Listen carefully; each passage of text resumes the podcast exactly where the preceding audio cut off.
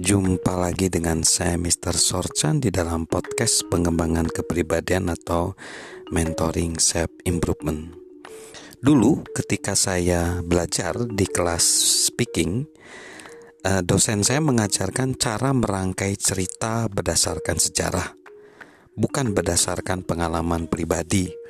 Lalu saya diajar bahwa sebagai seorang komunikator yang hebat, saya perlu mengamati kisah-kisah orang dan sejarahnya lalu saya bagikan kepada mereka. Tapi ternyata enggak seperti itu. Yang justru saat ini yang ingin saya katakan adalah bagaimana bahwa Andalah ya, Andalah atau kita semualah pelaku kisah itu. Kita uh, masih memiliki banyak halaman kosong kita bisa menulis kehidupan pribadi kita di atasnya. Jika dilakukan dengan baik, maka kehidupan yang terencana akan membawa kita kepada kisah-kisah terbaik. Nah, ada salah satu aksi komedi terbaik tahun 60-70-an itu adalah Smothers Brother. Uh, ada cerita tentang seperti ini ya. Uh, cerita komunikasi ya di komedi tersebut. Ada apa Tommy? Tanya Dick, seorang pria normal. Sepertinya kau sedang sedih. Memang, jawab kakaknya Tommy. Aku mengkhawatirkan kondisi masyarakat kita Amerika. Memangnya apa yang kau resahkan? Khawatir dengan tingkat kemiskinan dan kelaparan di negeri ini? Oh bukan, aku tak terlalu memikirkan itu. Begitu ya, jangan-jangan kau khawatir dengan ancaman perang nuklir.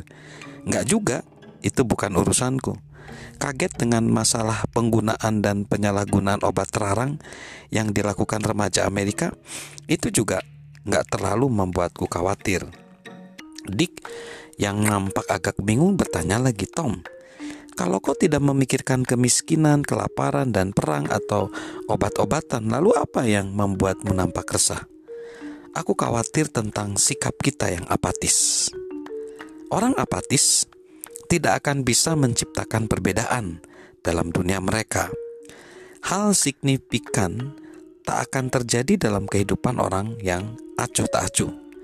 Orang yang fasib hanya menarik diri dari kisah yang hebat yang sebenarnya bisa mereka rasakan.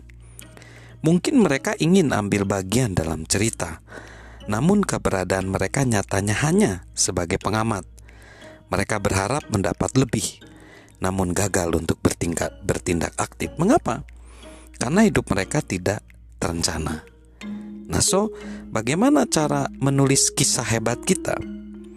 Jika kita ingin menciptakan perbedaan dan memiliki cerita yang hebat untuk diceritakan, bahkan sampai akhir hayat kita, pertama-tama kita harus mengubah pola pikir kita, harus mengubah pola pikir kita.